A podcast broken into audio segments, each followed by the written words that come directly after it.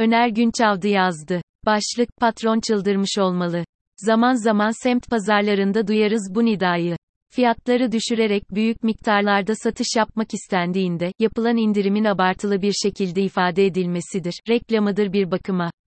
Genellikle talebin fiyat indirimine aşırı tepki verdiği durumlarda işe yarar.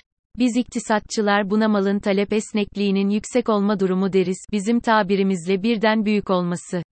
Sizin anlayacağınız, sürümden kazanmanın, teknik manada koşuludur. Gündelik hayatımızda marketlerden alabildiğimiz birçok mal genelde bu tarz mallardır. Ama her malda aynı sonucu almanız mümkün olmaz tabi. Örneğin talebin fiyat esnekliğinin düşük olduğu, yani fiyat değişimine duyarlılığın çok az olduğu mallarda, aynı etkiyi elde edebilmeniz mümkün değildir.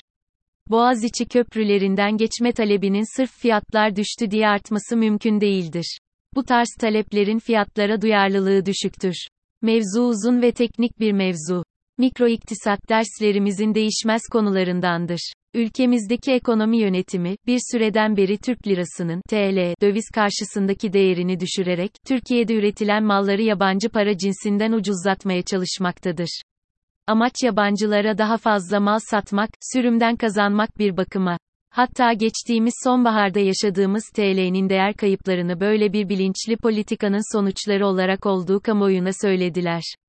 Bu politikanın ilk etkilerini sınır bölgelerimizdeki illerde ve turizm sektöründe yaşadık. Ucuzlayan Türkiye'ye daha fazla yabancı turist çekerken, sınır illerimizdeki şehir içi ticaret yabacıların hücumuna uğradı. Örneğin Edirne'ye alışveriş yapmaya Bulgarların gelmeleri bunun en güzel örneği.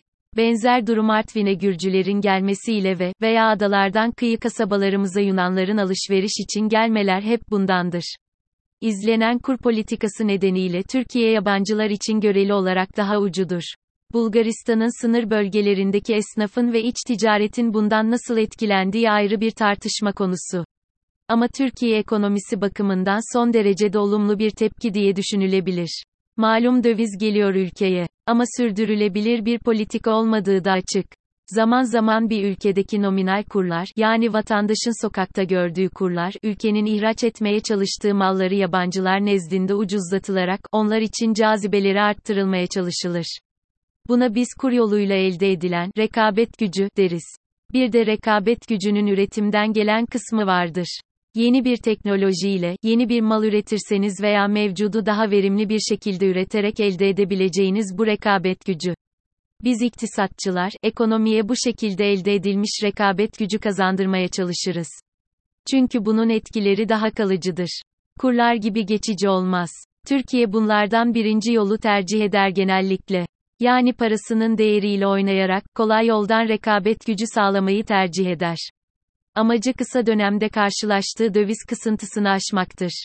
Zira ikincisi yoluyla elde edilecek rekabet gücü gayret ister emek ister plan program ister, her şeyden önce zaman ister. O da siyasetçilerde olmayan bir şeydir. Biz iktisatçılar, ekonomilerin uluslararası rekabet gücünü çok basit iki parametreyle ölçebiliriz. Bunlardan biri TCMB'nin hesapladığı efektif reel kur. Genel olarak bu, bir nispi fiyat göstergesidir ve sadece yurt içinde alınıp satılan malların fiyatlarıyla, yurt dışına gönderdiğimiz ve bizim yurt dışında gerçekleşen iktisadi faaliyetlerin fiyatları arasında bir nispi fiyattır. Aslında iktisadi faaliyetlerin sadece içerideki talebi gidermeye yönelik olanlarla, dışarıdaki yabancıların ihtiyaçların karşılamasına yönelik olanların fiyatlarının karşılaştırılmasıdır. Bu malların ilki hizmetler, ticaret ve inşaat gibi sadece yurt içinde icra edilen faaliyetlerdir. İkincisi ise, sanayi mallarıdır genel olarak.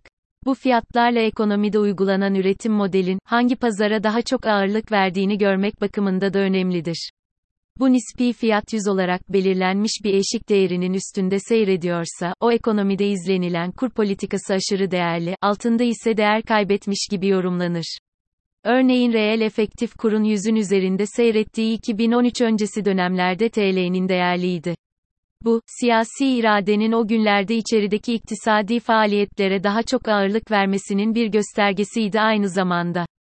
Yani iç talep ekonominin çekici gücüydü. Nokta. Şekil 1'deki siyah grafik reel efektif kur düzeyinin zaman içindeki seyrini gösteriyor. Buradan 2016 yılından sonra TL'nin reel olarak değer kaybetmeye başladığı görülüyor. Ama asıl ciddi düşüşlerin 2018 sonrası yaşandığı da çok açık. Buna göre nispi fiyatlar, ekonominin önceliklerinin dış talep çekişli bir ekonomik yapıya doğru değiştiğinin, iç talebin ise eskisi kadar önem arz etmemesi gerektiğini işaret ediyor. Ancak bu dönemde ekonomi yönetimi nispi fiyatların işaret ettiği şekilde kaynak kullanım şeklini değiştirmekten özenle kaçınmıştır. Mali kaynakların kullanım alanları bakımından yapılacak böyle bir tercih, geçerli olan nispi fiyatların bugün ulaştığı düzeyde uzun dönemde sürdürülebilmesi mümkün değildir. Rekabet gücünde doğumumuzu gösteren bir diğer basit rekabet ölçüsü ise, dış ticaret açığının ülkenin toplam dış ticaretinin kaçta kaçına tekabül ettiğinin hesaplanmasıdır. Bu bir orandır ve Türkiye gibi açıklara maruz kalan bir ekonomide mutlak olarak arttığında ekonominin rekabet gücü kaybettiğine, azaldığında ise rekabet gücü kazandığına işaret eder. Şekil 1'de iki rekabet göstergesi bir arada görülüyor. Bu iki göstergenin seyrettiği trenler konusunda da bir beklentimiz var elbet. Örneğin reel efektif kur düşerken, yani ekonomik politikalarda ağırlık yabancı talep lehine değişirken, ekonominin dış ticarette rekabet gücünün artıyor olması beklenir.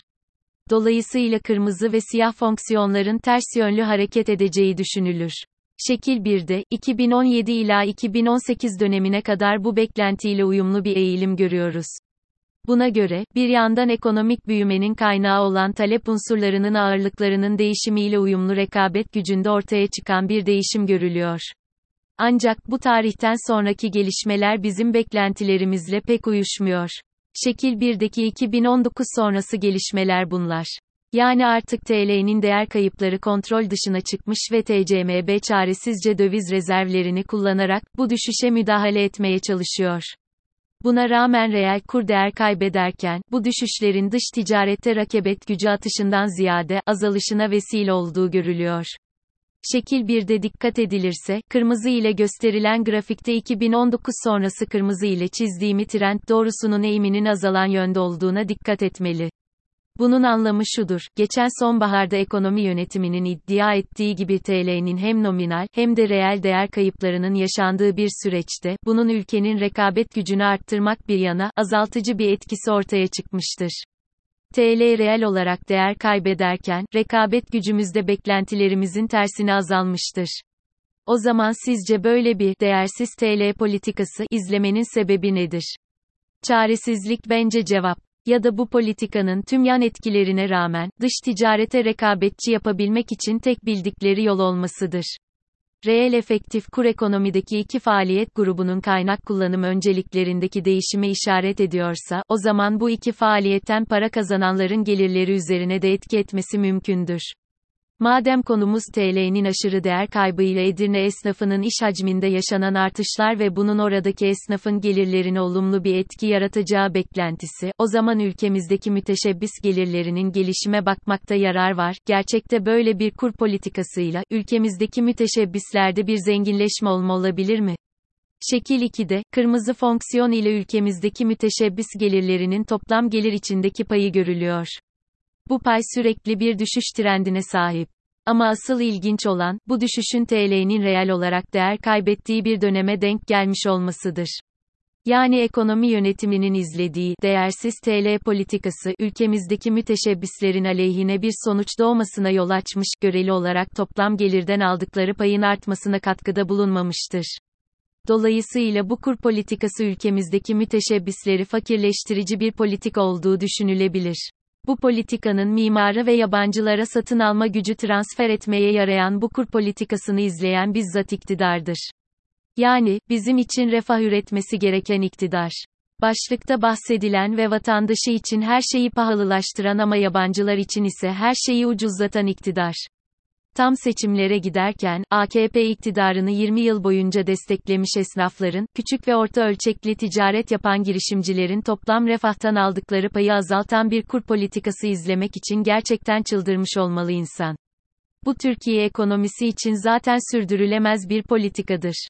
Ama AKP'nin bu politikayı siyasi olarak daha ne kadar sürdürebileceği ise merak konusudur.